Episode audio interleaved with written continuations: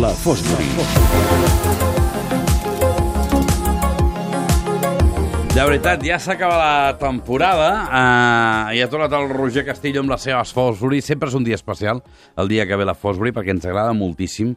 Eh, jo ja m'he acostumat amb ell, eh, que, que un s'ha d'acostumar, eh, amb el Roger, perquè el Roger ve normalment amb, amb, amb un guió del seu espai, és un guió que és un foli eh, per una cara, eh, amb un munt de detallets, eh, un munt de noms sovint impronunciables perquè van a buscar històries eh, arreu del món i, per tant, noms eh, amb diversos idiomes. Eh, però el que més sorprèn és com ho explica. Té una gràcia especial per explicar-ho, això ho sentiu vosaltres, però sorprèn la seva capacitat de memòria, és a dir, com coneix aquesta història, com conserva l'ordre i quina capacitat té per quadrar-ho. Eh, no deixa d'admirar-me cada dia, i això que ja hi estic acostumat. Avui ho fa més difícil encara, perquè avui no m'ha portat el paperet. O sigui que avui, eh, des del minut zero, hauré d'estar pendent, com sempre, que, del que m'explica, però ho farà allò, sense mans. El paperet està fet, eh? No imprès, no, però això fet. no ho dubto en absolut. Roger Castillo, bona nit. Bona nit, Pere. Aviam, avui de què parlem?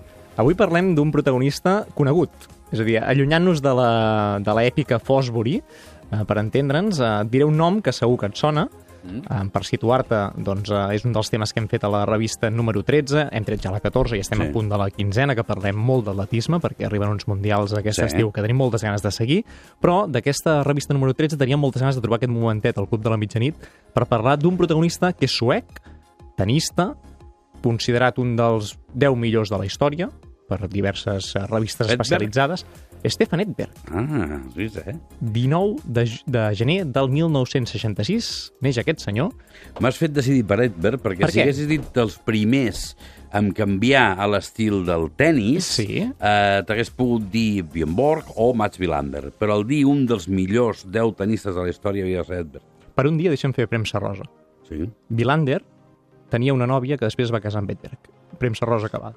Anem a, anem a la Fins i tot amb això va guanyar Edberg. Anem a, la història, anem a la història bona, que és que Stefan Edberg, que evidentment té un palmarès envejable, Mm. un palmarès que repassem a grans trets per si algú no el coneix, perquè certament doncs, es va retirar mm, ja fa gairebé 20 anys i per tant hi ha molts oients d'aquest programa doncs, que a dia d'avui no el tenen situat i hem de doncs, anar al gra, dir que va guanyar 6 grans slams, dos torneigs de Wimbledon, que és l'excusa doncs, per portar-lo al programa ara que ha començat a, aquest torneig.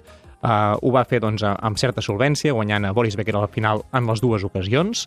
També va guanyar dos oberts d'Austràlia, va ser finalista en tres ocasions més. Aquesta fita de cinc finals en un obert d'Austràlia només l'han aconseguit dos tenistes més, que són dels actuals, Federer i Djokovic. Per tant, estem parlant també de paraules majors. Majors, i tant. No per ells, sinó també per, ell, per ells dos, eh, per Sí, comparar-se sí, sí, sí, sí. amb Stefan Edberg.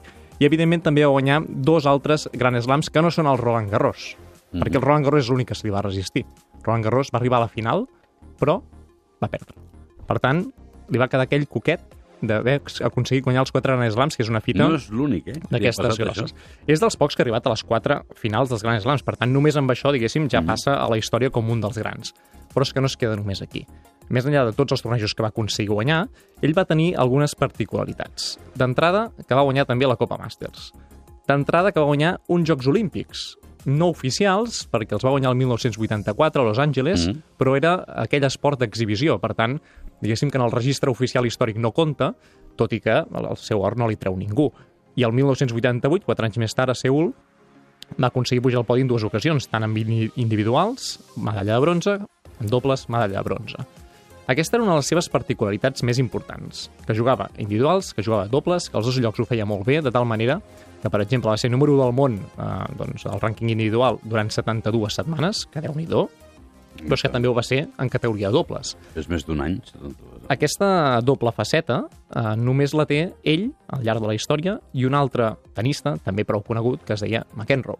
Per tant, estem parlant, sens dubte, de, de paraules majors. Sí. De tota manera, en aquella època era més fàcil que els, que els tenistes individuals juguessin dobles. Recordaràs fins i tot tu, tot i que devies anar amb bolquers i amb un gorro de cop, que en aquella època jugaven Emilio Sánchez Vicario i Sergio Casal, que estaven competint I tant. a, a, a primer nivell, no? I hi ha hagut parelles de dobles molt interessants al llarg de la història. Ell va acabar, eh, per, per exemple, doncs, eh, competint amb corda, un tenista txec dels quals eh, especialista en dobles com pocs, però sempre ho havia fet amb una parella sueca i que havia estat doncs, amb qui va guanyar, entre altres, aquesta medalla de bronze als Jocs Olímpics. Una altra particularitat que té, que és que ell era suec i Suècia aquells anys tenísticament era una potència important, La es diu armada Philander, sueca, evidentment, però també doncs, hi havia prou companys d'equips prou bons per anar a la Copa Davis en categoria de favorits. Van guanyar quatre Copa Davis, ell va ser finalista en set ocasions, eh, per tant estem parlant també d'un tenista complet en totes les facetes i en tots els àmbits.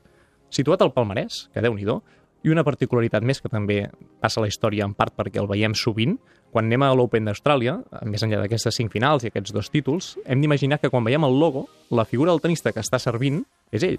Està inspirada en Stefan Això no sabia. perquè tenia un servei característic, ell era d'un joc per entendre'ns, eh, molt bon servei i volea, eh? Mm. i el joc a la xarxa era un dels millors, eh, els millors també al llarg de la història podríem dir, però en la seva època arrasava, i per tant eren les seves particularitats. Però aquell servei era tan característic que van triar la seva figura en ple servei doncs, per intentar eh, endur-se el logo de, de l'Open d'Austràlia.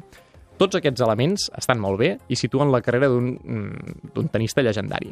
Però té una prèvia, que és la que avui volíem anar centrant-nos, que és la seva etapa com a jugador júnior. Com a jugador júnior, i aquí doncs ara, ara ens ho recordàvem perfectament, ell va fer una curiositat que no ha fet ningú altre. És a dir, comparteix eh, rècords amb molta gent dels millors, però només en té un en solitari que continua mantenint d'avui, que és el Gran Slam Júnior el va fer sencer. Per tant, el 1983 ens hem d'imaginar que va guanyar els quatre Gran Slams, els quatre se'ls van dur el mateix senyor de Suècia que començava apuntar maneres i que tothom anava, cada torneig que passava dient però què està fent Home, aquest senyor? flipar, perquè a més a més Home. Home. els quatre... Home, és que estem parlant d'una edat eh, joveneta, de 17 anyets, i amb 17 anyets guanyar 4 Grand Slams amb gent de rival, doncs això, els mateixos Boris Beckers i companyia, que ja hi eren i que, per tant, d'una generació similar havia de competir amb ells, té el seu mèrit. Di- Home. Deixem-ho deixem dir així i suaument. Dels quatre, hi ha un cas que és molt específic, que és que després d'haver passat doncs, pels altres tres, va arribar a l'Open dels Estats Units. A l'Open dels Estats Units va passar una cosa que és molt greu, i ell és el protagonista directe. I això és el motiu Fosbury que no t'agrada gaire perquè és una mica tràgic, però Ja està. que avui doncs, eh, sí que Ja, volíem, ja, volíem ja. Stefan Edberg sempre ha estat eh, doncs, un paio curiós, no només a la pista per la seva qualitat, sinó també pel seu caràcter. Era conegut doncs, com una persona prou reservada. Mm, Li deien doncs, de vegades, sobretot els primers anys de la seva carrera, doncs, que tenia un to trist, que guanyava tornejos però que no ho acabava de celebrar, que no estava content, fins que ja al final, de mica en mica, doncs, es va començar a deixar anar. Però tot això té una explicació que arriba a l'Open dels Estats Units del 1983. Concretament, el dia que neix TV3, el 10 de setembre de 1983, ell estava disputant la final del torneig júnior als Estats Units. En aquella final s'enfrontava amb Simon Yule. Simon Yule ja, era, ja havia estat finalista l'any anterior en categoria júnior i, per tant, era un rival que li podia plantar cara, que era Amb experiència. ell venia a guanyar tres grans slams seguits en categoria júnior, però un i altre, diguéssim, arribaven amb unes condicions de favoritisme similars. En aquell torneig les coses pintaven bé, eh, per què no dir-ho pel suec, anava guanyant, i en un dels punts de, del partit li tocava servir, va servir, era un servei doncs, eh, molt bo, eh, contundent, directe, ràpid, com els que acostumaven, molt sec, però la pilota va, després de doncs, de passar per la pista, va fer el seu recorregut i va anar a parar en un jutge de cadira, eh, en aquell cas doncs, que estava al final de la pista. En aquell moment estaven asseguts, amb cadira, Mm -hmm. i tenien una posició que el reglament obligava a estar doncs, d'una forma propera a la pista, diguéssim, inclinant el cos cap endavant, Sí. per estar pendent del Tirat punt, endavant, per estar pendent la de la ratlla. pilota, per Sí. no perdre's ni un detall, per, eh, no hi havia els ulls de falcó i totes aquestes històries que s'han anat inventant després, i per tant la seva funció era encara més eh, bèstia que la, que la que tenen avui, molt més important. Què li va passar a aquest senyor? Es deia Dick Werheimer, que era un senyor de la zona, tenia 61 anys, doncs que va tenir la mala fortuna que la pilota li va engaltar doncs, amb molta velocitat, perquè tenia un servei molt ràpid, a l'engonal. El cop li va provocar que amb la seva posició doncs, tirat cap endavant a la pista caigués endavant. Manca de reflexes, em- podem-li buscar molts altres condicionants, però en qualsevol cas la pilota, sens dubte, va ser el condicionant. Amb el dolor... mm, mm, Va caure. Cau. I va caure de cap. Va caure amb el cap al terra, amb una pista dura, com és l'Obert dels Estats Units, amb la mala fortuna que de seguida la gent va veure que alguna havia passat. Se'l van haver d'endur amb ambulància, va estar 5 dies a l'hospital i després va morir. Va morir per un servei d'un nano jove de 17 anys que tot just doncs, començava la seva carrera exitosa. un i que, accident, accident, un accident, accident. I, de fet, eh, tal és l'accident que la, la, la família va portar el cas als jutjats un any després, al·legant doncs, que aquella posició de risc que era intolerable, que s'havia de canviar, que l'ATP doncs, havia de començar a pensar en altres mètodes, i el jutjat va dir doncs, que no era del tot així, perquè era una posició de risc, però que l'assumia la pròpia persona que, que feia aquella activitat, que a més a més tenia alguns problemes de cor, que tenia alguns problemes de salut que també podien haver afectat a que la recuperació del cop doncs, no acabés de ser prou bona, com qualsevol altra persona mil etcèteres, però el cas és que aquell senyor, evidentment, va perdre la vida per un cop de pilota de Stefan Edberg, que evidentment va estar doncs, eh, plorant molt bona estona fins que es va recuperar doncs, eh, per acabar la final, perquè evidentment quan es va endur el senyor una persona el va substituir i la final va acabar, ell va guanyar el torneig i per tant ho va celebrar amb aquella sensació de no sabia què li havia passat a aquella persona i després doncs, eh, va ser difícil per ell doncs, superar aquell moment. En diverses entrevistes va arribar a dir doncs, que havia pensat en deixar el tennis doncs, eh, just acabat aquest torneig només perquè, clar, ell es veia culpable de la mort d'aquella persona. Doncs t'he de deixar aquí, perquè si no, no entra al compte de l'Artigau.